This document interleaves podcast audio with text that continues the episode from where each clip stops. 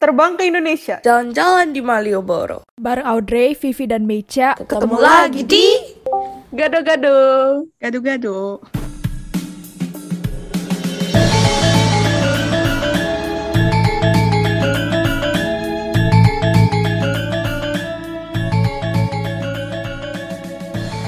Hello everyone, welcome back to Gado-gado. Episode pertama kita dari season 2. Yes, uh, seperti biasa kita masih ada kuliah world tour. kita bakal mulai explore new region untuk KWT di season 2. Coba tebak di mana guys? Yes, China and all of their cities. Ada kota-kota kayak Hong Kong, Taiwan, Shanghai, and Beijing, and a lot of other cities. Kalian semua boleh expect whole new content for us. And hari ini kita kedatangan dua tamu kita. Yang satu di Hong Kong, yang satu di Taiwan. Gak kayak tamu-tamu sebelumnya nih. Tamu-tamu sebelum kita kan selalu kenal satu sama lain. Nah, kedua tamu kita tuh gak pernah bertatapan muka sebelumnya, guys. This episode will be- Ya, seperti itu. Namun nama di Gado-Gado Podcast. Agak-agak rasanya agak kayak nyomblangin orang sama temen gitu loh. But nyomblangin temen gitu. It's fine. Anyways, please introduce yourself. Siapa yang mau duluan? Gua, gua. Hai guys. Hai. Uh, gua Gisela. Speaking from Taiwan. Yeah. Kotanya? Dari Hsinchu. Kota yang cukup tidak ada apa-apa intinya. Yes, there's nothing here. I'm sorry. Elaine? Halo guys, gue Elaine da- dari Hong Kong. Ada lagi yang mau ditambah, Elaine? Um, gue dari Hong Kong Polytechnic University. Mantap. Jurusannya apa? Dis- um, communication Design. Oh, gee. This is our first um, design major. Major. ya, art major. Ya, major. nggak sih? sebelumnya kayak kita nggak pernah ya ada tamu yang ngambil seni. I mean, ya, Communication di- design. iya, Communication design. grafik gitu. Oh, graphic design. interesting. Desainnya Elaine keren-keren loh. Enggak guys, enggak. Banget, keren banget, guys. Check out No, no, her, no. her um, LinkedIn or I don't know, Instagram. Anyways, Giselle, meja lu apa kalau gitu?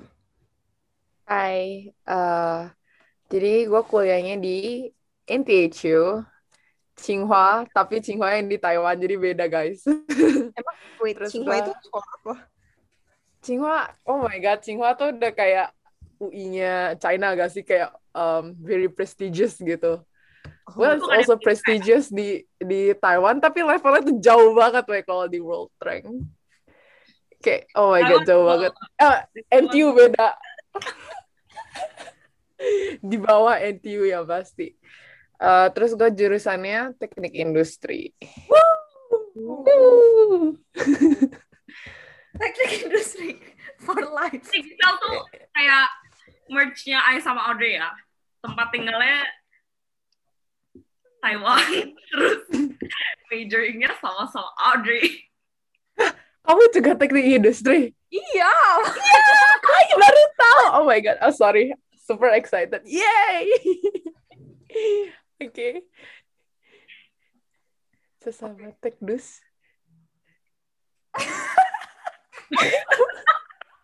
What is happening? Kenapa? Yaudah deh. Mecha tulis, Kenapa? gue distracted banget, Vivi. Lipsnya super Sorry, I'm so distracted. Bibi tuh kayak lagi nyengir gitu, kayak bibirnya merah kayak heh gitu terus kayak merah banget tuh kayak uh. Aduh, sih. Oke, Maaf maaf gue agak sidetrack. Kalau Philips. kita kenapa ngomong beda place hari ini? Ah, ah, Oke, oke, oke. Ya udah aku ngomongnya gini aja gimana. itu makin aneh sih. Pakai masker, Vi, pakai masker. Gak jelek, gak jelek. Cuman kayak wow merah aja gitu. Bener-bener kayak orang habis dari luar. Oke, makasih guys kalian sudah datang ke sini, Elaine Yes. dan Giselle. Eh, Makasih for the opening of our second season. ya, so gimana kalian kabarnya? I- aku tahu sih, I mean, aku nggak ngomong sama Giselle udah lama banget. I don't know Iya when. udah lama banget. Oh my god, udah lama banget. Tahun-tahun. Saking lamanya, like don't know how to start. Like gue aja bahkan baru tahu kayak, oh kita sejurusan. Oh iya, udah tiga tahun kuliah. Dari Vivi kemarin. Kayaknya Oh so iya. weird. Aku jadi penasaran sih. Iya. Eh, apa ya? Di sini, well, to be honest, di sini kayak bosen banget. Kayaknya bosannya karena di situ deh. Iya, kota gue bener-bener bosen banget. Kayak literally eh, ke mana-mana tuh jauh. Kayak ibaratnya gak kayak Taipei lah, maksudnya transportasi ada MRT lah, ada bus, segala macam. Di sini ada bus, cuman kayak tiap setengah jam. Terus kayak ke mana-mananya masih harus kayak eh, naik bus 10 menit, 20 menit, kayak gitu. Jadi gue males. Jadi kayak basically gue bener-bener kayak karakter game yang tinggal di satu daerah yang kayak kalau mau pergi ke mana unlock dulu levelnya gitu. Kayak mungkin gue harus beli naik naik motor dulu. Kayak unlock level baru gue bisa ke mana-mana gitu. Dan gue masih stuck di situ daerahnya sama. Kayak gue mentok sampai situ doang. Jadi yes I'm trapped guys. I feel gue perumpamannya. Perumpamannya agak... Perumpamannya mantap. Tapi gue ki- selalu kira kayak Taiwan itu emang small country, tapi kayak lu bisa ke mana-mana terus kayak cepet gitu. Eh, Atau Singapura emang- ya? Iya ya kayak Singapura atau beda? not not that small lah kayak dari uh, utara ke selatan tuh kayak kalau naik kereta cepat aja berapa jam ya empat jam. jaman ya Nggak, empat jam tuh naik bus. Kayaknya. Iya nggak sih?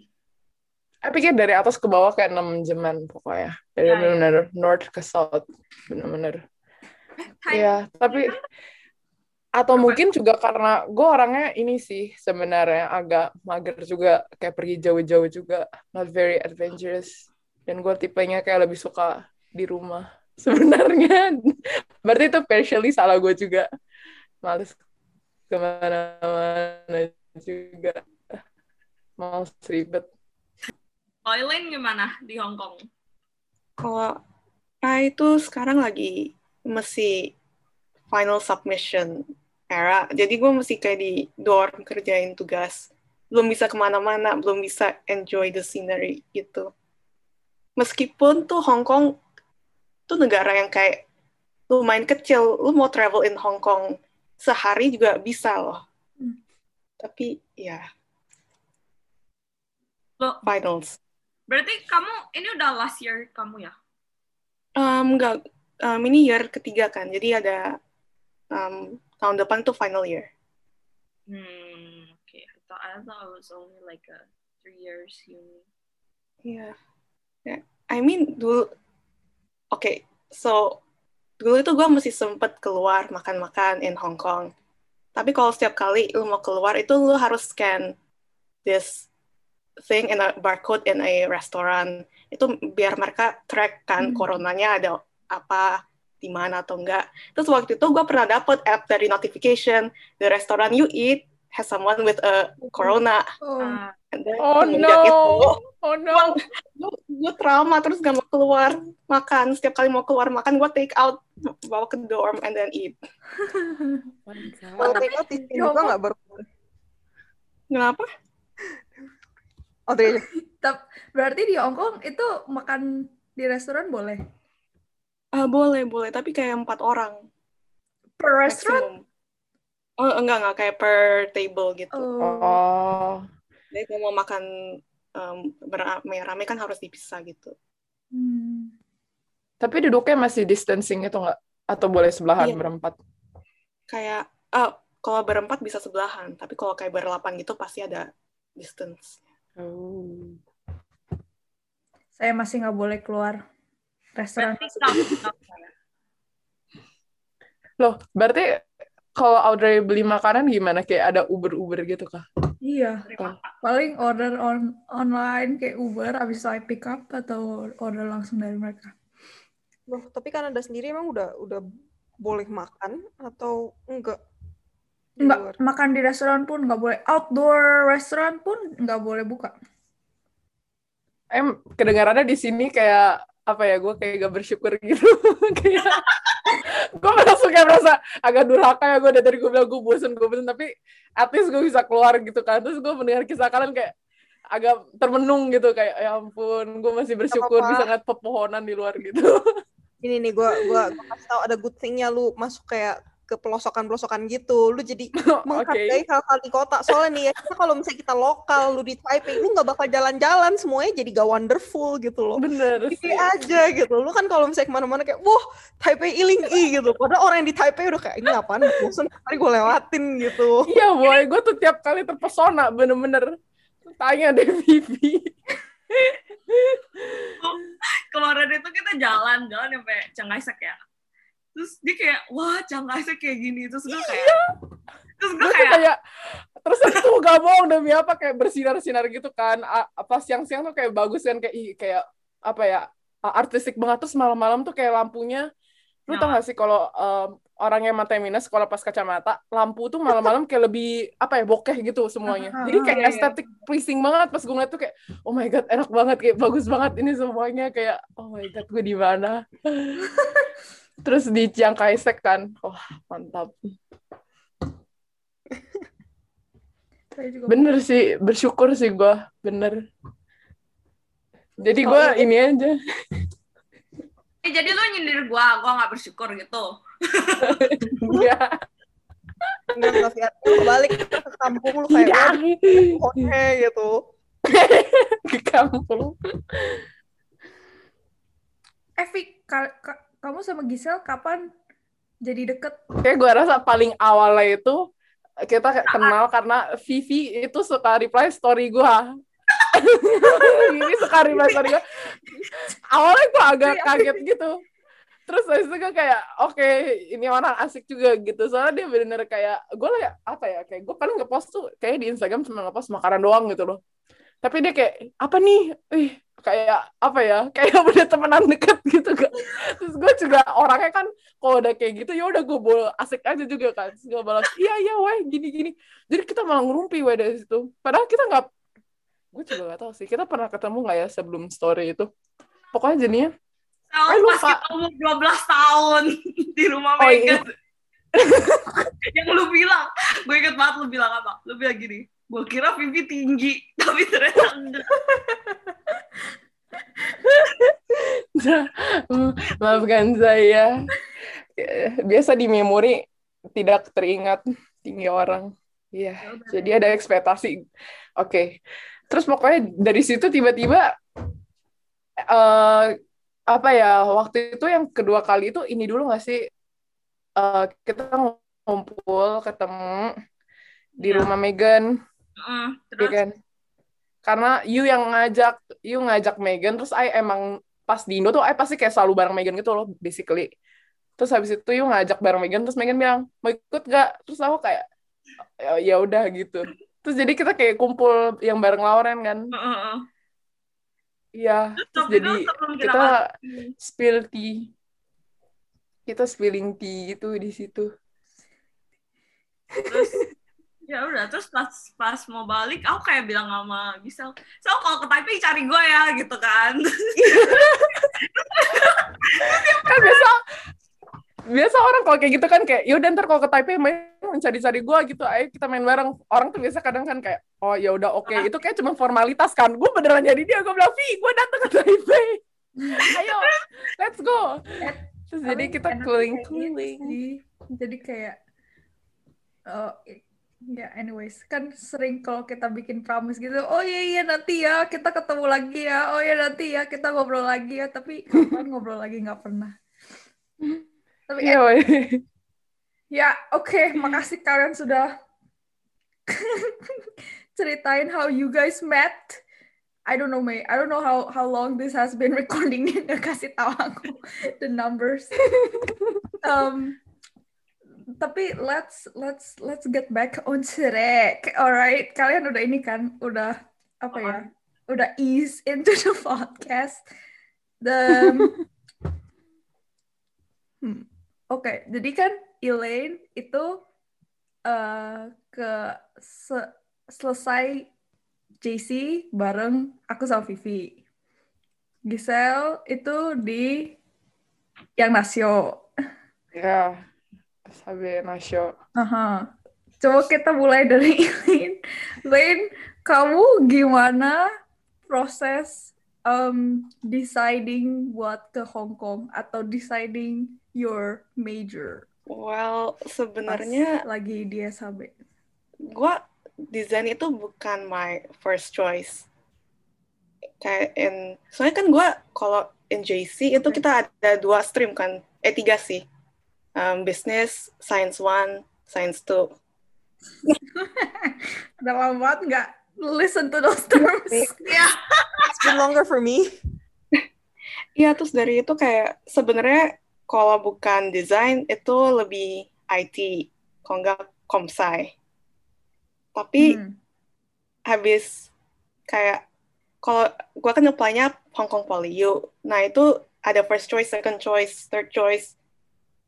Kalau kayak kalau mau desain itu lu harus taruh um, first choice and gak bisa second choice or third choice. Terus gua kayak ya udahlah kayak apply apply aja kan. Terus gua dulu kayak dulu kan gua demen desain kayak desain desain apa poster gitu. Ya udah apply. Terus kayak the second choice baru itu apa sih IT.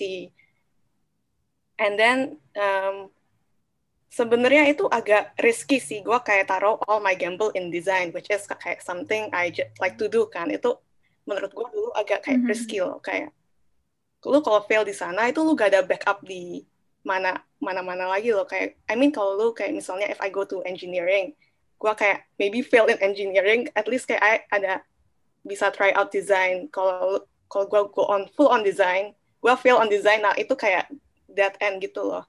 Jadi gue kayak ya coba apply aja kan. And gue itu dulu kan engineering, gue itu gue itu diminta portfolio, padahal gue gak ada art sama sekali kan. Jadi kayak the whole winter break itu gue beneran asal bikin 10 karya, terus um, taruh di portfolio terus submit. Terus untung didapat kayak um, apa sih uh, interview. And habis interview itu offer yang pertama keluar itu dari Hong Kong Poly U. Jadi gue kayak mungkin cuma satu uni itu yang bakal terima aku. Soalnya kayak gue itu beneran pas um, JC SMA gitu itu orangnya itu B aja, nilai gue itu B aja, nggak wow banget loh. Jadi and ya udah gue kayak ya udahlah gue taruh all my gamble di sana and ya untung untung luckily itu gue kayak oke lah sekarang it's not a bad thing kayak design gitu lah. Gue gue jadi penasaran 10 portofolionya kayak gimana kayak keren banget deh. Keren Jangan- banget. Keren Ih, demi apa? Jangan- Jadi kayak bikin kayak apa weh? Gue juga gak Kayak- tahu sih. Gue bener-bener gak pernah tahu desain. Jadi kayak har- eh, pakai tangan kah atau kayak digital gitu kah? ya jadi kayak um, gue dulu kayak mintanya 10 karya kan terus gue nggak tahu itu kayak major apa gue kayak paling kayak oh ini kira-kira bikin poster maybe web design gue demen web design ya udah gue coba apply wow. terus gue lihat Wow. requirement-nya kayak apa what do they look for ya udah gue um, portfolionya tuh sesuai gitu um, yang mereka looking for jadi mereka kayak bilang lu bakal kayak create packaging design lu bakal illustrate Oh. gue bikin portfolio sesuai itu Hmm. Nice. Tapi kamu ber- berarti udah dari awalnya pengen ke Hong Kong.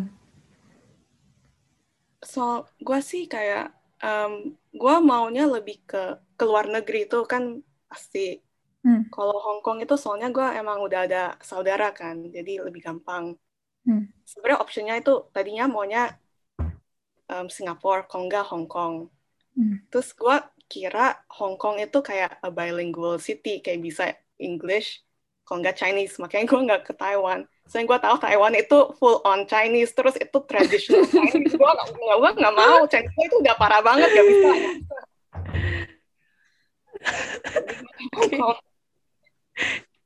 Tapi kenyataannya Not even both. It's not that bad actually.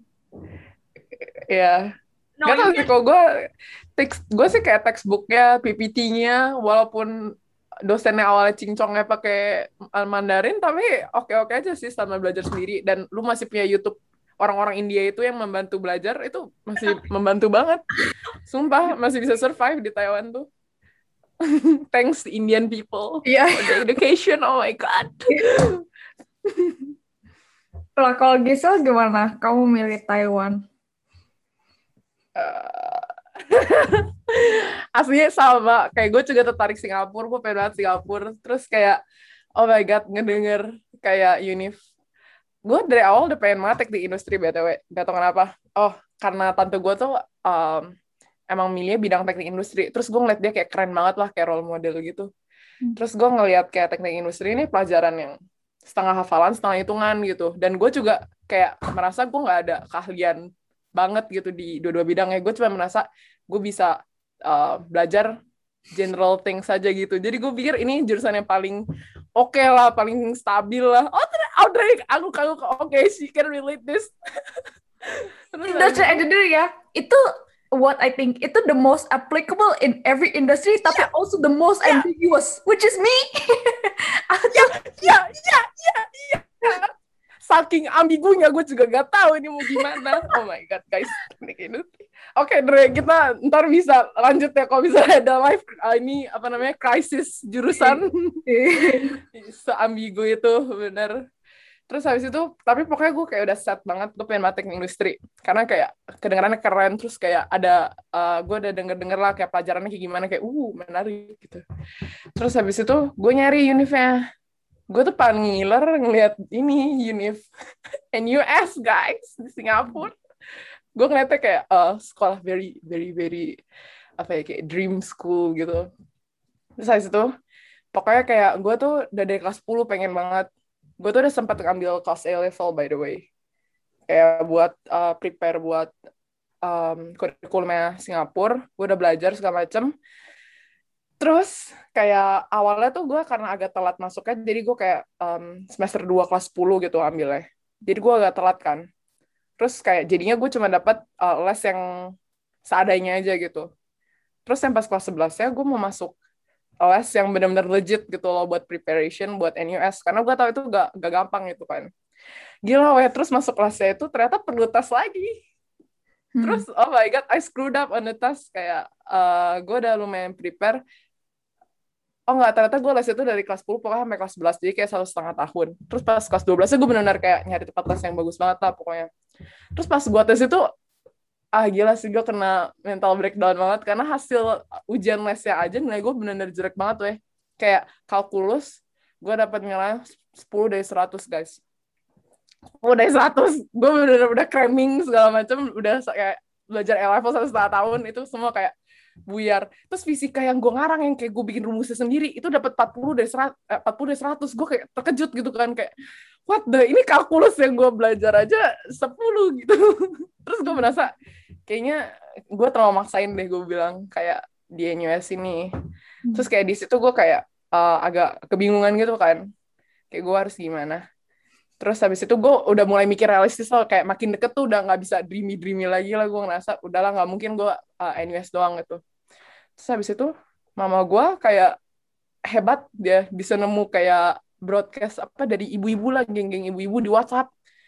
Aha. Ada pameran universitas di Taiwan. Terus kayak gue ikut, terus kayak gue ajak Megan-Megan ikut juga, kita kayak keliling-keliling.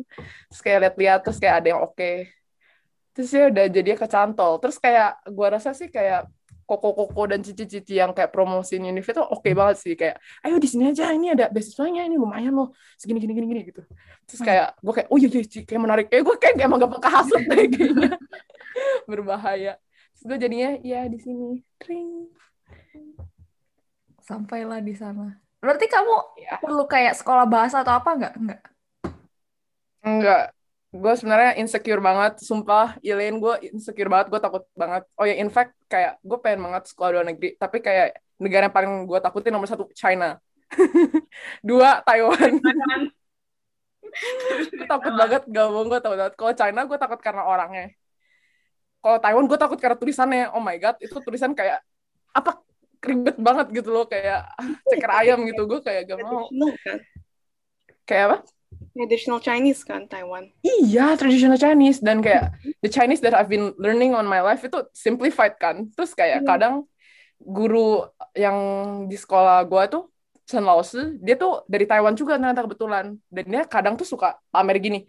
Oh ya, ini uh, Mandarinnya ya. Kamu tau nggak tradisionalnya kayak gimana? Dia tulis di sebelahnya. Weh, beda kali loh. Terus kayak guratannya tuh ada kali gue hitungin tuh kayak ada 20 lebih. Gue bilang, ya ampun, sulit kali hidup ini. Nulis satu katanya guratan 20 gitu. Gue langsung kayak, aduh kayak nggak mungkin deh gue mau kuliah di Taiwan. Eh bener weh, gue malah kuliah di Taiwan kayak terlalu banget sih?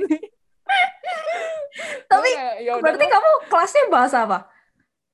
Gue ambil yang benar-benar jurusan Mandarin yang bukan well bukan jurusan Mandarin maksudnya yang sama kayak orang Taiwan yang benar-benar sama tapi untungnya di sini tuh kayak em, mereka kayaknya emang pengen belajar Inggris juga. Jadi kayak soalnya tuh pakai bahasa Inggris. Jadi Hah. murid Taiwan juga dipaksa pakai soal Inggris. Tapi mereka kayak balas eh, apa namanya jawabnya tuh pakai tetap pakai Mandarin gitu lah pokoknya. I don't know. Oh. tapi jadi benefit eh, bagi gua karena kayak eh, mereka sendiri suka protes kayak ih gua sebenarnya bisa hitung ini tapi karena gua nggak ngerti soalnya kayak miskom gitu loh soalnya. Terus Ah. jadi mereka salah hitung. Terus gua kayak merasa kayak apa namanya gue merasa privilege gitu kayak ih gue ngerti gitu. Oh berarti ujian tetap pakai Inggris, nggak ada yang Mandarin. tetap tapi beberapa Mandarin full. Pas beberapa Mandarin full itu di situ baru nilai gue jeblok-jeblok kayak turun-turun gitu kayak gue stres banget di situ. Kayak gue merasa oh ya gue ngerti sekarang jadi mereka gitu kan. Kayak dibalik posisinya. Iya tapi iya not that bad sih soalnya tapi mungkin kalau misalnya beberapa univ lain yang kayak gue nggak tahu kan soalnya univ yang kayak ternama kayak NTU gitu kan banyak em, murid-murid yang udah lumayan tahu Inggris lah maksudnya terus kayak beberapa murid internya terus mau nyari nama di muka bumi gitu kan mau naikin ranking jadi mereka ada Inggris-Inggrisan dikit gitu Don't agree with that. Aku nggak setuju karena itu ya aku tuh? pertama Saita. Aku tahun pertama di NTU itu eh tungshe aku, tungshe itu apa sih? Classmate, classmate aku.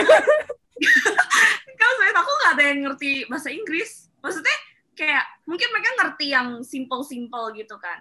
Cuman tapi kalau untuk ngomong tuh mereka waktu itu sama sekali nggak gitu. Cuma makin ke sini baru makin mereka emang gak ngerti ngomong Vi tapi kalau dikasih soal soal dengan bahasa Inggris gak tau kenapa mereka bisa gue kayak gak ngerti kayak why? Gak tahu sih. Lo soal ujian lu emang gak pakai bahasa Inggris? Ya, ya pakai bahasa Inggris. Iya kan? Hebat dong. Soal matematika dengan bahasa Inggris kayak wow gitu. Itu tuh bahasa matematika bukan bahasa Inggris. Iya bener juga. Gue juga bingung jadinya hmm. Hmm. Ya gitulah. Gue juga bingung jadinya. Walaupun gue bisa bahasa Inggris ya walaupun dulu gue merasa pas gue tahun pertama tuh bahasa Inggris gue lumayan lah. Maksudnya kayak not Hmm. bad. Makin ke sini jujur gue merasa eh, makin jelek. Tapi apa Inggrisnya? traditional Chinese kamu makin iya dia, dia tuh cincong Mandarin jago kali loh. Kayak sumpah guys gue tuh kayak nih gue lagi jalan-jalan mana Vivi terus tiba-tiba ada orang tua kadang suka ngajak ngomong kan orang-orang orang tua di sini tuh sehat-sehat. Terus kayak tiba-tiba ketemu terus kayak kadang suka ngajak ngobrol tiba-tiba nyapa lah segala macam. Terus kayak ada sekali aku nemenin Vivi nyari ibaratnya kosan lah. Terus aku inget banget kayak ini nenek-neneknya kayak ngajak ngobrol. Vivi Vivi ngobrolnya wah mantap weh. Lancar kali. Terus aku kayak bilang Vi ya ampun aku terkesima banget. Terus pas nenek-nenek yang ngadep aku terus kayak berusaha ngomong aku kayak aku kayak mataku langsung ngotot kayak jangan ngomong jangan ngomong. Aku ngomong sama dia. Uh, I don't understand. terus aku kayak balas gak jelas. I don't understand I'm still a failure. Tapi mantep sih ya soalnya juga temenannya sama kayak apa namanya orang-orang yang em, apa sih namanya kebanyakan yang muinya eh, mother language-nya Chinese gitu kan. Ya tapi sekarang balik lagi ya bahasa tuh kayak lu kebiasaan pakai bahasa itu lu bakal makin jago gitu loh. Sedangkan gue akhir-akhir ini tuh gue udah jarang ketemu temen-temen gue yang Mandarin ya walaupun tiap minggu gue ke wihara juga ketemu orangnya ngomong Mandarin gitu. Cuman Hmm. gue terasa lah, maksudnya gue, gue sendiri masa gue Mandarinnya sekarang udah mulai mundur juga. Cuman nggak tahu ya, Hmm. kan gue nggak bisa menilai diri gue sendiri. naik sih gue nggak tahu sih apa entah itu menurun atau gimana tapi gue merasa gue terkesima sih sama Mandarin lu Mandarin Vivi Ya itu keren cuma sih waktu itu doang, waktu itu tuh masih bagus. demi apa gue kayak oh my god so cool Tapi ada strugglesnya nggak? Eh, kayak dibanding tahun pertama sama sekarang gitu, kan walaupun, tapi pasti kan lecture-nya gitu kan Chinese gitu kan, ya nggak sih? Or not? Iya, tapi gak tahu lucunya kayak gue malah merasa mungkin karena gue udah kebawa minder pas gue orangnya sebenarnya pesimis banget guys, benar-benar pesimis. Terus awalnya tuh yang kayak lu bilang kayak mau belajar bahasa dulu nggak sebelumnya. Sebenarnya gue tuh mohon-mohon banget ke orang tua gue. Gue bilang gue minta tolong banget setahun gue mau belajar Mandarin dulu. And then like uh, my parents, they think itu wasting time. Hmm. Dibilang ya udahlah kau pasti bisa adaptasi gitu gitu.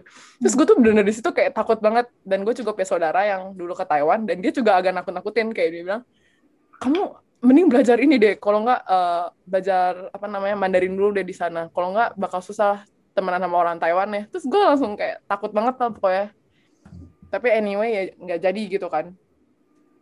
Terus habis itu karena udah kayak kepikiran uh, orang-orang juga ada kayak gue BTW sebelum ke Taiwan itu gue juga kayak ditakutin sama guru loh bahkan yang dari sekolah gue. Kayak ada yang bilang, kamu tau gak kakak kelas kamu tuh ada yang um, gak berhasil gitu loh di Taiwan. Kayak padahal dia lumayan pintar ranking di SHB. Tapi uh, dia apa namanya dia balik karena dia stres gitu. Hmm. Terus kayak gak kekejar gitu matanya.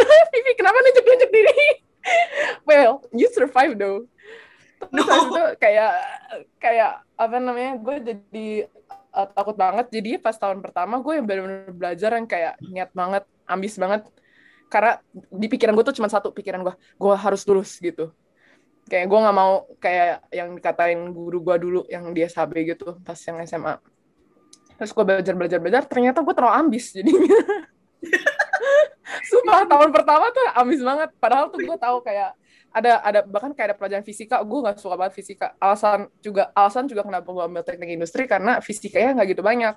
Oh my god yes! Audrey yes Setelah tahun kedua, eh, setelah tahun pertama udah gak ada lagi kan fisika. iya kan? Gue kayak bersyukur banget. Makanya tahun pertama tuh gue merasa berat banget karena habis belajar kalkulus yang agak teori-teori gitu kayak terus kayak fisikanya juga gitu loh. Kayak emang fisiknya beda sama SMA sih gue bilang. Kayak lebih bahasa alien gitu gue makin nggak ngerti lah pokoknya. Jadi agak berat gitu. Hmm. tapi pas itu karena gue ambis gitu malah nilai gue bagus banget gitu.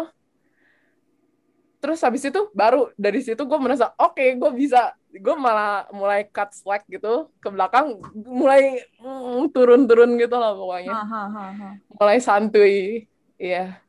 Malah kayak kadang suka after estimate gitu. Jadinya pas uh, kayak ujian segala macam gue kayak oh no oh crap salut sih sama lu pada yang kayak ke negara ini tapi kayak belum mantep kayak bahasanya tapi masih kayak kuliah di sana loh. Itu- itu bukan karena diinginkan tapi karena literally orang tua gue tuh kayak ibaratnya menginginkan anak yang bisa berenang dengan cara anaknya dilempar ke kolam begitu saja berenang sendiri.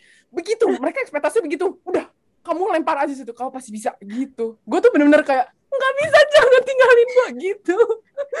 Makanya aku belum siap gitu. Exactly. pilihannya- aku- pilihannya cuma gini. mau Taiwan atau Indo? Terus gue kayak aduh gue gak pengen banget di Indo. Sorry ya kayak karena gue tuh apa ya kayak gue pengen banget merasakan dunia luar gitu. Dan gue merasa eh, edukasi Indo masih masih oke. Tapi kayak perjuangan buat masuknya tuh jauh lebih susah daripada apa not, not worth it lah gue bilang. Hmm. jadi gue bilang ya udah gue mendingan di luar aja gitu ini karena terpaksa Ilin oh my god terpaksa? if I can choose tapi ya Terus kayak, kayak- hebat juga loh lu pada masih bisa kayak survive meskipun nggak tahu bahasanya kayak lama-lama bisa berjuang sampai bisa loh Loh, Tapi tiap ini juga ini sih ada perjuangannya sih gue rasa pasti. loh, memangnya Elaine di Hong Kong bahasa pengantara kelasnya apa? Inggris. gue sih kayak gue itu gue kalau di Hong Kong itu English. Kayak educationnya itu semua in English kecuali lu mau uh, ngomong sama orang-orang lokal. Itu lu harus pakai Oh no.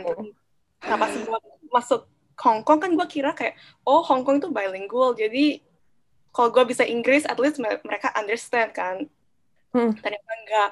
Pas pertama kayak terus kayak pas pertama kali gue ke Hong Kong itu mereka kira gue itu orang lokal jadi mereka bakal ngomong kanto sama gue tapi gue gue gak bisa kan gue kayak oh I cannot I cannot I speak English mereka ngeliatin gue kayak lu bohong lu cuma mau apa gitu Oh my god. Loh, jadi kalau lu ng- ngajak ngomong Inggris, mereka gimana? Apakah mereka takut? Nah, kalau anak-anak yang muda kan udah bisa Eng- English kan, jadi kayak mesti bisa ngomong. Oh, anak mudanya. Lu ke restoran, itu lu ka- kayak harus pakai kanto. Kalau enggak lu pakai, kayak lu nunjuk-nunjukin lah, kayak ini, satu, ini, satu, take out. Ah. Oh, gue juga sampai sekarang bahkan kalau mau mesen menu itu menu di Taiwan yang gak tau kenapa kayak dumpling. Tapi di menunya tuh panjang kali. Kayak em, apa ya daging da- daging goreng lembut babi kulit kayak panjang gitu loh kayak kenapa ada wang- wangi-wangi daun gitu terus kayak panjang banget menunya kan terus kayak jadi gue cuman gini ceke ike gitu.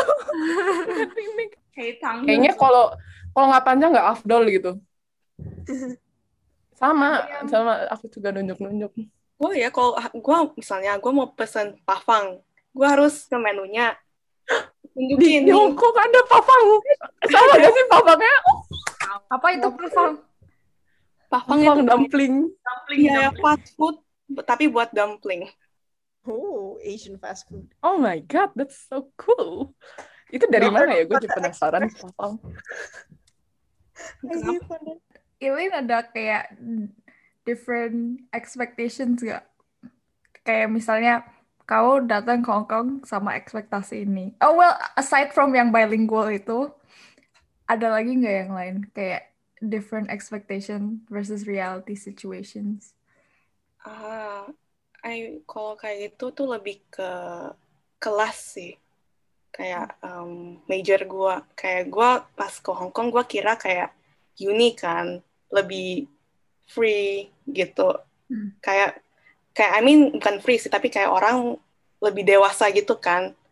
Tapi in reality soalnya mungkin kelas gua itu kecil kayak satu angkatan, major gua itu cuman 30-an. Hmm. Itu itu kan lumayan kecil. Kayak in comparison yang kayak accounting finance itu bisa 200 murid satu angkatan. Dari satu major itu. Nah, itu kayak I don't know tapi kayak ke kelas gue itu suka main kayak geng-geng gitu. Gue gak ngerti. Apalagi gue kayak masih inter kan. Jadi hari pertama gue inget gue datang ke kelas, gue cuma duduk sendirian, yang lain ngomong ngomongin kanto Hmm. sampai kayak sampai akhirnya kayak ada teman inter yang baru datang terus kayak oh what's your name? Apa gitu baru kenalan. Wait, jadi are you the only inter student in your class? Atau temen internya juga datangnya telat? kalau in my class itu dulu ada lima lima inter. Dan kalian semua And- jadi main bareng. ya lima out of kayak 30 itu sebenarnya lumayan percentage-nya itu kayak lumayan oke sebenarnya. Tapi kayak soalnya teman-teman gua kayak yang in yang locals itu selalu grup-grup together itu mereka kayak beneran leave us out itu lu bakal kayak merasa kayak sendiri gitu Hmm. Hmm. itu kayak the first kayak yang gua nggak gua belum prepared yang kayak second yang gua belum kayak out of my expectation itu lebih ke soalnya dulu gua kira kayak gua masuk desain gua kira kayak oh karya gua oke oke lah gua bisa apa gitu. Kayak tapi pas gua masuk itu beneran kayak tergantung lu dapet dosennya siapa. Kadang tuh ada dosen yang beneran mau ngehujat karyanya sampai kayak pasti itu di kelas gua pas year one ya itu kayak di kelas ini itu pasti ada satu kelas ya itu pasti kayak semua orang at least one person pasti nangis di final presentation-nya Oh Terus my god, serem ada- banget. setiap kelas itu pasti ada orang yang nangis in final presentation-nya abis dia presentasi dia langsung nangis terus semua orang kayak the sad thing is orang-orang yang lain tuh nggak mau kayak oh are you okay are you apa mereka cuma Ah. diem Ah. Oh my god, serius gak ada yang nanya gitu. Oh my god, sedih banget. akhirnya kayak at, at least one or two kan ya gitu kayak in Indo kan lebih kolektif gitu kan Jadi kalau ada orang sedih atau apa pasti kayak oh is there any are you okay? Is there anything? Are you fine gitu kan? Tapi kalau in Hong Kong itu lebih lu nangis itu masalah lu sendiri, lu apa itu masalah lu. Lu jatuh di MTR ya, gak- orang nggak bakal bantuin lu. Kaki lu kesangkut di MTR ya, itu masalah Oh my god. What the? Wow. what, wow. what society are you living in? Maksudnya tuh mereka tuh kayak kompetitif atau memang mereka nggak gitu Ya, I think peduli? itu mereka emang individualistic society loh. Oke. Jadi kayak kalau masalah lu ya bukan masalah gua. mungkin Hmm. memang budayanya begitu jadi buat kita Iya, yang iya. memang Indo Indo kan apalagi Indo kan kayak gotong royong banget ya kekeluargaan segala macem persahabatan itu penting dan whatever mungkin berasa banget sih kalau ke negara yang individualistik apalagi kalau dari Indo Iya. Itu yang the most lah. Oke, kan di sini kita sama sekali belum pernah ada eh guest star yang yang dari arts program. Jadi kalau di arts program tuh kalian belajarnya kayak gimana? Um, lebih ke mereka kasih lu brief buat project, terus lu harus kerjain. Terus kadang kan ada tutorial session itu kayak mereka kritik, terus lu harus revise, revise, revise kayak gitu. Jadi itu gua tiga tahun, udah tiga tahun di Hong Kong itu gua nggak pernah rasain what it's like to be in a final examination. Itu loh tempatnya. Kayak tem- teman-teman gue sering kayak oh de- apa deg-degan banget apa mereka takut kayak mau mual apa kayak itu gue udah nggak pernah rasain itu lagi. Terakhir kali gue rasain kayak gitu itu pas A level Berarti benar-benar kayak nilainya tuh diambil dari semua hasil karya. iya iya. And nilainya itu lebih subjektif loh. Kayak Hmm, ya. Art itu gak ada benar atau salah gak ada answer key. Aha. nah kalau profesornya suka your style ya lu pasti bakal dapat nilai yang lebih bagus kan. Kalau mereka nggak kurang demen ya pasti ya kurang bagus. Apalagi it's kayak in Hong Kong punya yang gua baru nyadar juga itu kayak Hong Kong punya desain sama Indo itu beda banget. Kayak mereka itu lebih clean lah kayak rapi pakai grade system atau apa gitu I Berarti think Kamu kayak tahu apa? Hmm? What is grade system? Ya. grade system is kayak kayak like um you know grades Ya, grades. kayak pakai kolom-kolom kayak gitu pas kayak lu desain poster atau apa itu kayak ikutin semacam sistem Oke. ada kolomnya Terus lu kayak taruh your text apa accordingly kayak gitu Oh. jadi lebih rapi kelihatannya kayak oh ini kayak square gitu. Gitu. Tapi kayak kalau arts itu mainly subjektif and then a lot of revision. Makanya itu anak-anak arts itu selalu ya pasti nginep di studio nggak balik ke dorm. At least itu sebelum corona. Tapi setelah corona kan masih ya gak gak, gak kayak gue biasanya bisa seminggu ya paling dulu ya itu bisa tidur.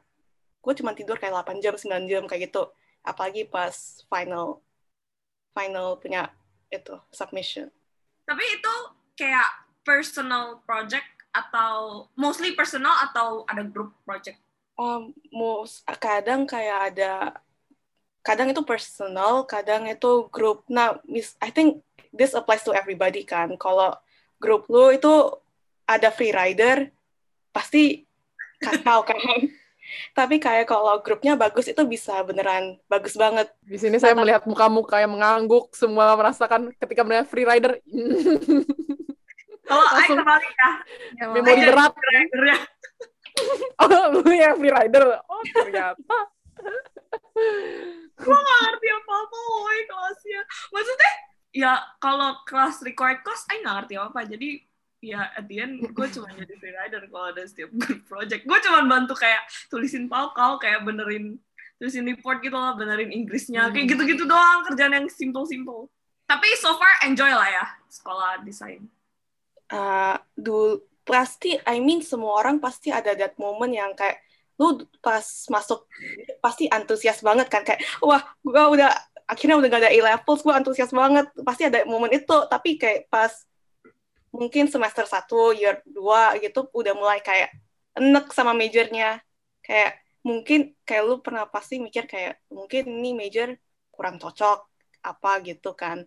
I mean pasti ada that moment tapi itu sudah lewat Udah acceptance. sekarang Hmm. udah acceptance kayak oh ya gue majornya in graphic design gue paling nggak at least pas gue udah lulus maybe do something in that field lah Terus kalau kalau Gisel so far Apa? uh, ngambil industrial engineering maksudnya dari eh, ekspektasi realita. Sebenarnya eh, menurut gue sebenarnya asik-asik aja kalau kuliahnya. Nggak asik kayak itu ketika mulai menghadapi realita. Mulai harus mikir. Oh. Kayak serius deh, kayak luas banget kan. Nggak tahu mau ke mana. Eh, terus kayak gue misalnya ini sekarang nih zaman-zaman nyari magang. Terus habis itu gue nanya kan ke profesor kayak, em, Sir, ini mending kalau mau nyari perusahaan kayak gimana? Terus dia langsung nanya, kamu mau ke arah mana dulu? Terus langsung ngeblank karena biasa tuh kayak kuliah gue cuman mikirnya ya udah yang penting lulus, yang penting bisa belajar gitu. Tapi nggak pernah mikir kayak gue mau ke arah mana gitu. Iya dan kayak tiap mau apa-apa kayak serba salah karena misalnya gue ada tertarik satu bidang ini. Terus ternyata kayak ada orang yang bilang prospeknya kurang lah. Terus ada juga eh, prospeknya oke tapi gue sadar kayaknya gue gak bisa ngelakuin itu dalam jangka panjang. Kayak gue gak bisa ngebayangin aja karena emang gue kurang suka gitu loh. Hmm. jadi kayak lebih ke arah galau-galaunya sih. Kayak bingung pas mau bener-bener pas kerjanya. Karena emang seluas itu ininya opsi kerjanya. Tapi karena luas juga jadi pas kerja tuh gimana ya? Kayak gue dengar kalau misalnya orang-orang di interview tuh mereka ekspektasi tinggi. Kayak punya pengalaman apa kalian udah ngerjain project apa kayak gitu-gitu. Yang berurusan dengan perusahaan mereka dengan uh, pekerjaannya. Sedangkan kita teknik industri ini terlalu luas belajarnya terlalu banyak ini itu. Jadi kita tuh kayak ya kita pernah belajar ini tapi dikit gitu. Jadi mulai ya dari situnya sih. Dari situnya sih lebih bingung ke arah situ. Kayaknya sih one thing kalau one advice I could give itu ngelihat apa kamu kalau mau nyari magang itu jangan nggak usah terlalu fixated on oke kalau aku choose this path I will continue it for the rest of my life. Kayak ngelihat magang as an opportunity to get exposed to that field. Ngerti gak sih kayak oke aku iya sih itu juga Iya ya. Jadi kayak oh ini supply chain kayaknya menarik sedikit ya. Coba coba aku apply ke situ. Terus nanti kalau interview paling kayak kamu bohong-bohong dikit lah kayak oh my gosh, my whole life I have always been wanting to be a supply chain um, analyst. Um, it's my goal in my career goal. It's forever gitu. Tapi at Bluff, least kan bluff, once bluff. you already ngambil udah dapet itu kan kamu bisa ngerasain and kamu bisa ngeliat kalau oh ini aku suka atau enggak. Tapi setelah itu kan it's up to you. At least now you have clarification. Iya sih, bener. Oh ya, terus em, itu awalnya. Terus pas mau apply-nya, gue baru sadar ternyata mungkin karena magang summer nggak gitu banyak. Jadi yang gue lihat berhubungan ya udah gue apply aja, gue pencet aja semua gue apply.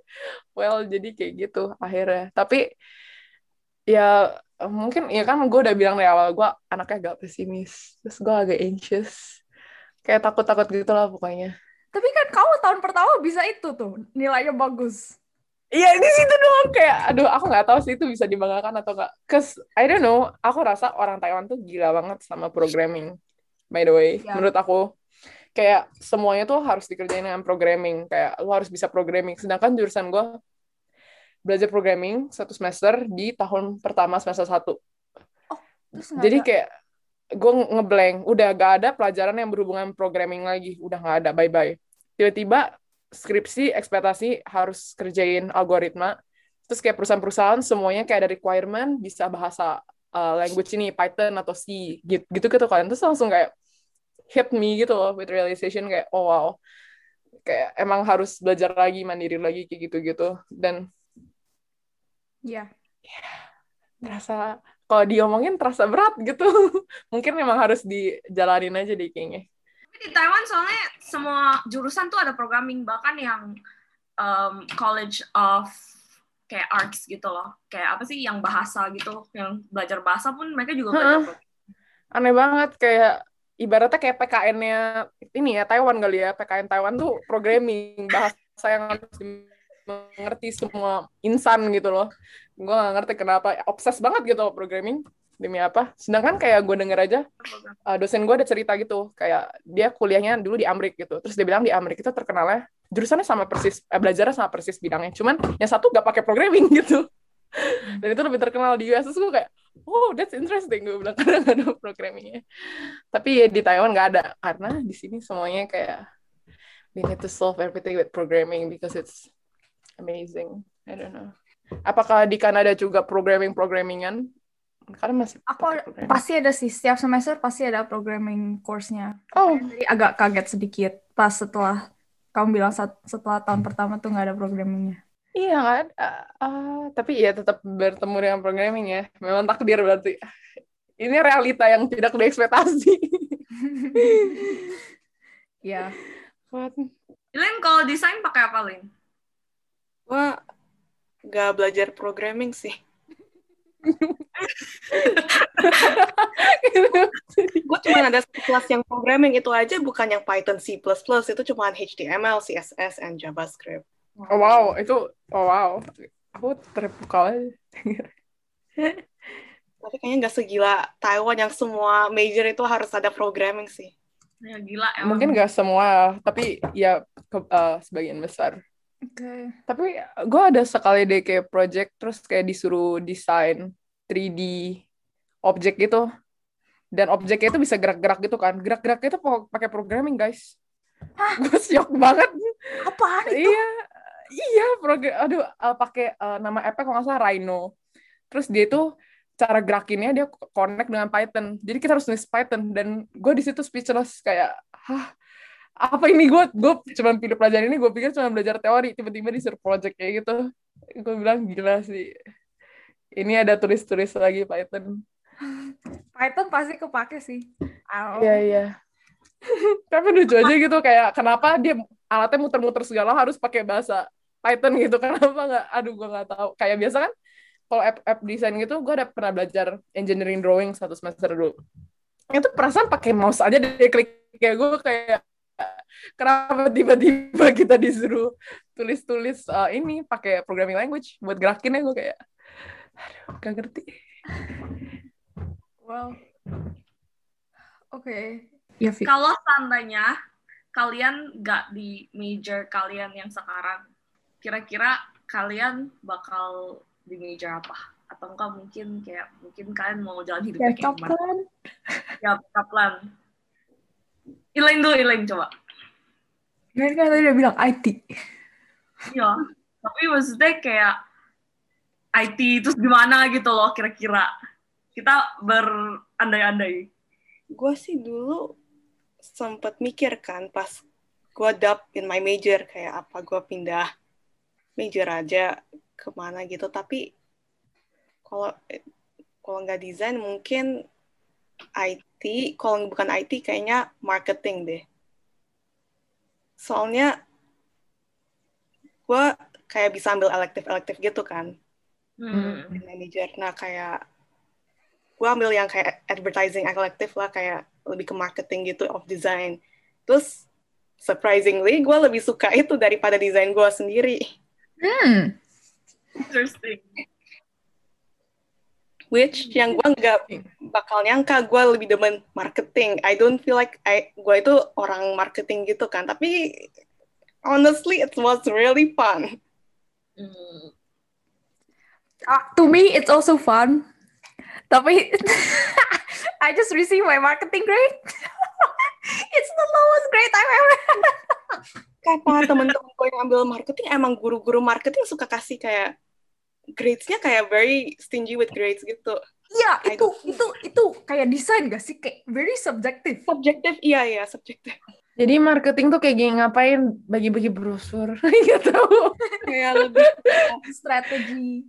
strateginya advertising, bikin campaign-nya gimana. Oh, iya iya iya iya. Berarti kayak pasti ada project dong.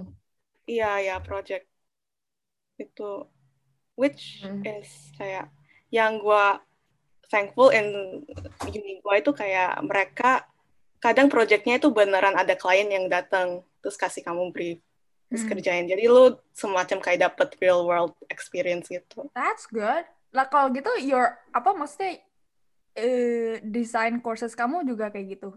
Kliennya itu bener kayak real. iya Mhm. kalau sometimes ko- nah makanya gue lebih demen yang kayak advertising gitu soalnya kebanyakan project itu yang ada clients itu dari kelas-kelas advertising Marketing gitu.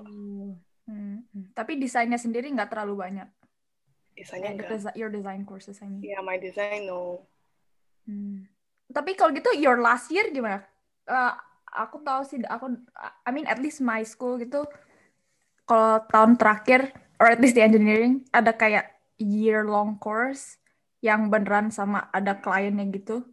And itu jadi kayak last year project atau kamu malah ada skripsi Oh. atau something like that. kalau last year project in Hong Kong itu lebih kalau my major ya itu lebih kayak satu semester itu ada kliennya datang Hmm.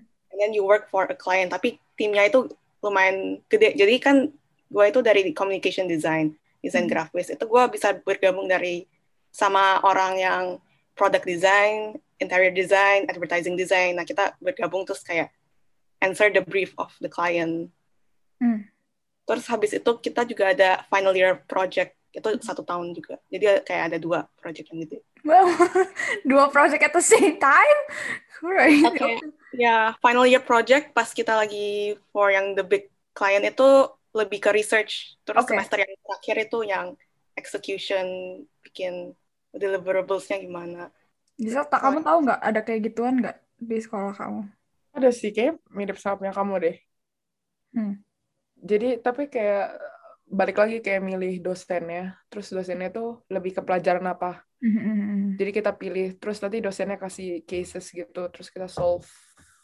Biasa kalau dosennya peduli, dia bakal kasih bimbingan tiap minggu, kayak baca paper ini, terus kayak belajarin. Tapi dosenku nggak peduli. Jadi kayak dilepas di jungle gitu. Jadi kayak ya udah nih ada kasus ini, pelajarin terserah pokoknya cari aja sendiri. Pokoknya aku mau hasilnya gitu. Eh punyamu berarti beneran klien gitu, Dre. Ah, kayaknya sih ya, kayak real world problems, kayak real people from different companies bisa datang and kayak ask for help. Berarti legit bisa dijadiin ini masuk CV. Ya bisa bisa. Passwordnya Oh my gosh, kenapa kita nggak ngomongin itu? Kalian kalian in in any clubs or anything? Udah mau closing. curricular. Well, I mean, I know ini last minute so, tapi I'm curious.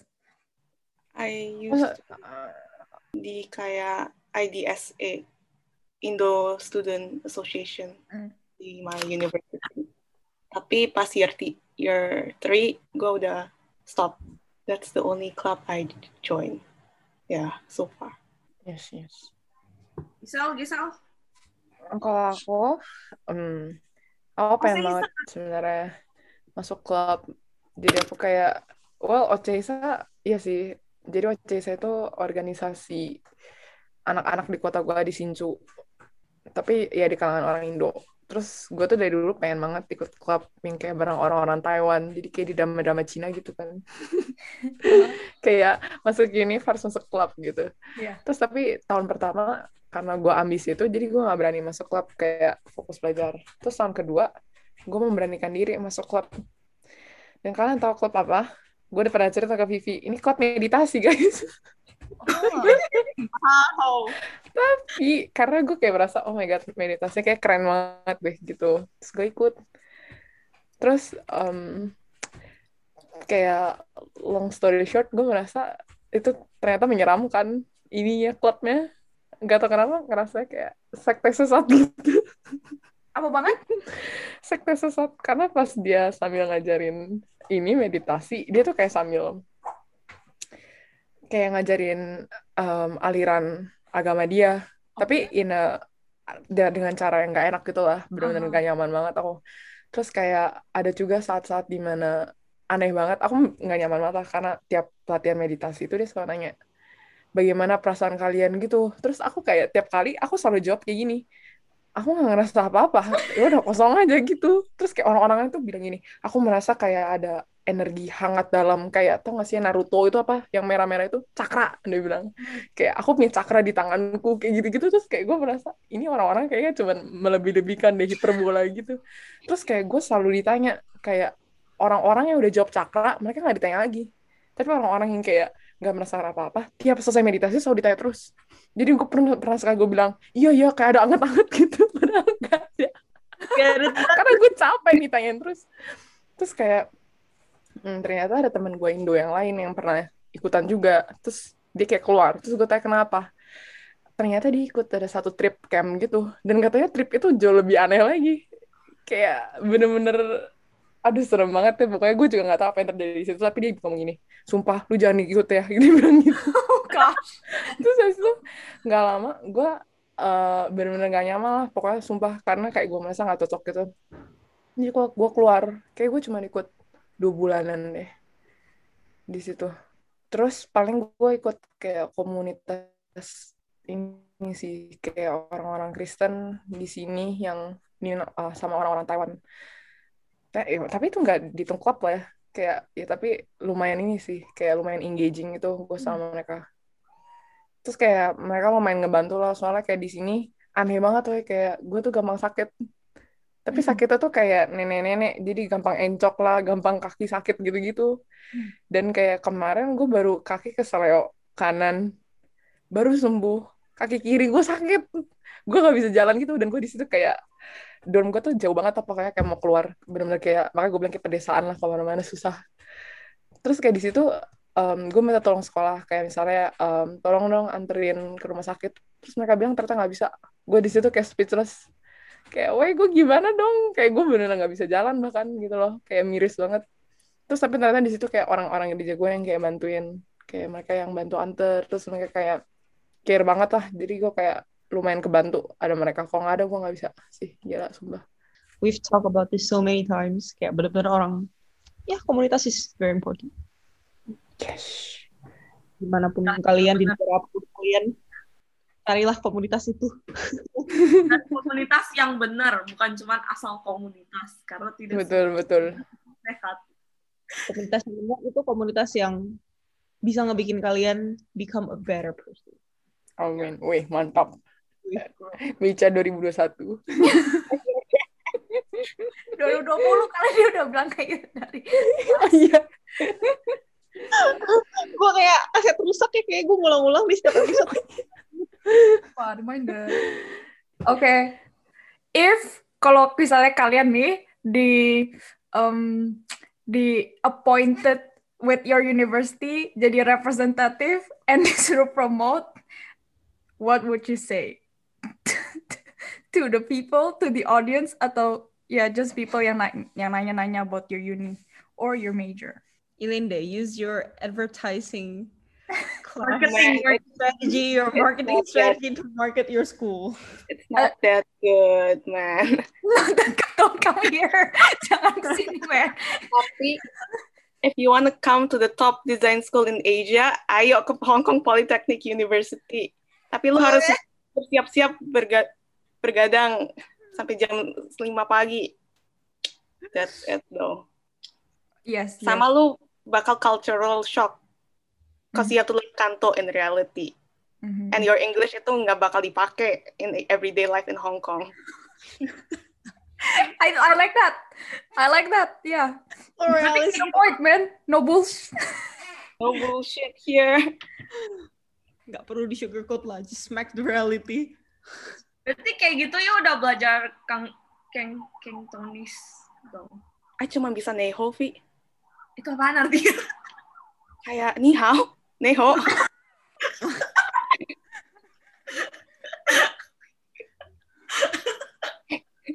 Eh, Lin, kamu tinggal di dorm.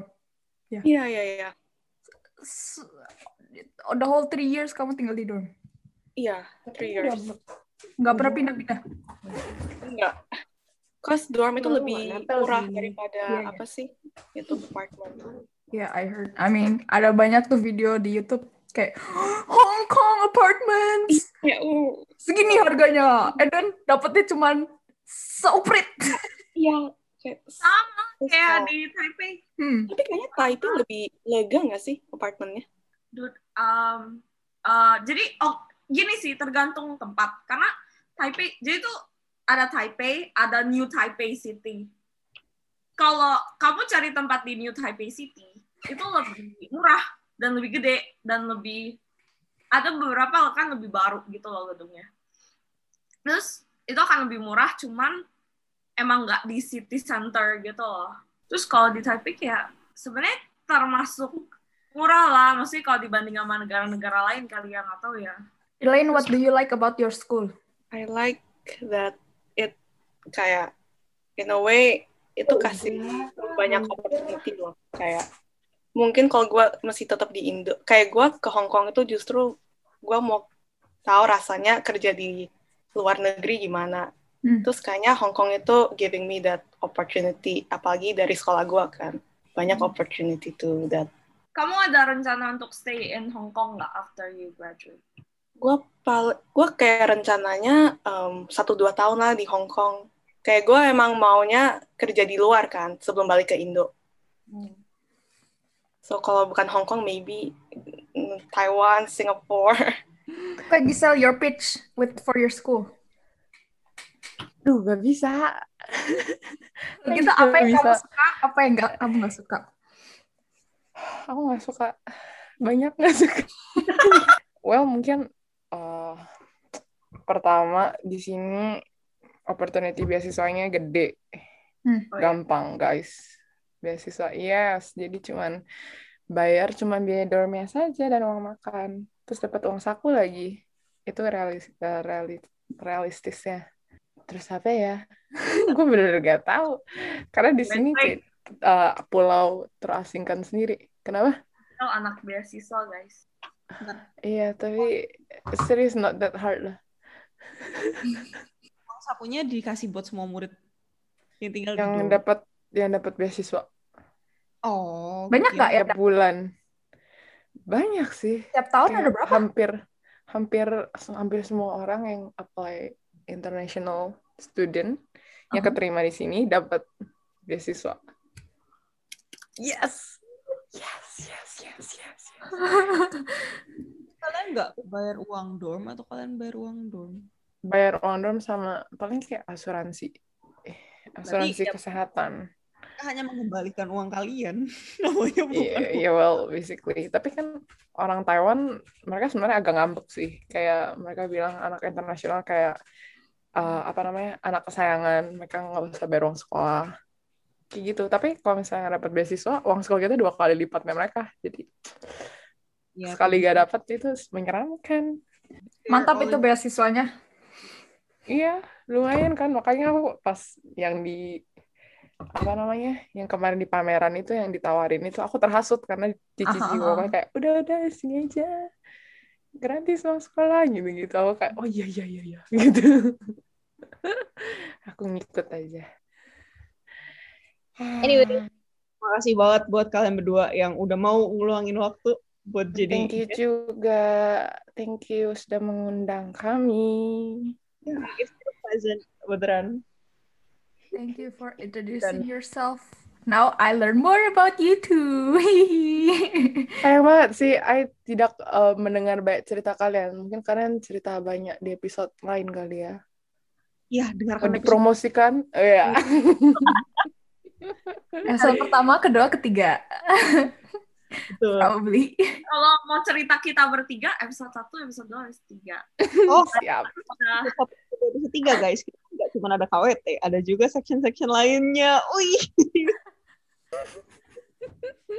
Tuh, promosi diri sendiri smooth smooth Ya kalian kalian ada pro, mau promosi ada yang mau di shout out gak? Apa? guys follow my um, Instagram dong Bentar ya, aku juga mau follow. Apa tuh? Ayo, ayo kita nyimak bareng. Gisa, at apa namanya Elaine? at Elias Design Hmm? Spell. E L A I S T Design Oh ya udah Yes, follow. follow Wow. desain Hmm, gratis. Ada desainnya bahkan. kalian. Mantap, mantap. Mantap banget Kalau loh ini. aku, aku at Gisoy. G I S O I I. Yes. Kamu Asik. Kamu lebih banyak dapat promote promote dari Cici kali. Sorry. ya lo sumpah sih demi apa dalam sehari waktu itu pas lagi di announce dalam sehari Instagram aku kayak geter-geter terus terus yang request ada 600 lebih Wow. tapi tapi niat banget aku nge-sapin cuman kayak 200-an 300-an Follow Instagram mereka teman-teman. Sebelum kita tutup nih, kita ada sesuatu hal baru, segmen baru di Gado-Gado, yaitu segmen rekomendasi, guys. Jadi, it's gonna take less than one minute every single time. It's basically kita akan memberikan sebuah rekomendasi. Bisa aja buku, film, um, lagu, apa pun itu yang mau direkomendasikan dari host-host kita dari Gado-Gado Podcast. Dan untuk minggu ini ada rekomendasi dari Audrey. Oke guys. Ah, aku tuh akhir-akhir ini lagi bingung mau nonton apa di Netflix. And aku ketemu namanya The One. And The One itu ceritanya itu ada pokoknya ada orang yang bikin company basically match people sama another people, a person, so person and another person solely based on their DNA gitu. Jadi kayak oh kalau DNA A person A sama person B itu itu cocok for each other and then mereka di match gitu. Jadi kayak it's not like Tinder tapi in- intinya kayak it's a matching site gitu. Oh, it's a romance? Tapi, hah? Ada ya ada romance ya, ada romance. Tapi there's a twist. And I'm not gonna spoil it for you guys. Okay, I'm not gonna spoil what the twist is. Tapi it's more than that. It's more itu bukan cuman kayak matching-matching doang terus cuman kayak romantic uh, TV series gitu. Tapi ya, yeah, I ya yeah, I, seru menurutku seru. Thanks, Audrey. The one. That's all for thank you I hope today's episode kali ini menghibur kalian dan memberikan kalian sebuah insight yang baik. Mm-hmm. mm-hmm. You guys in next Garo-Garo podcast episode. Bye. Yeah. Okay. Bye.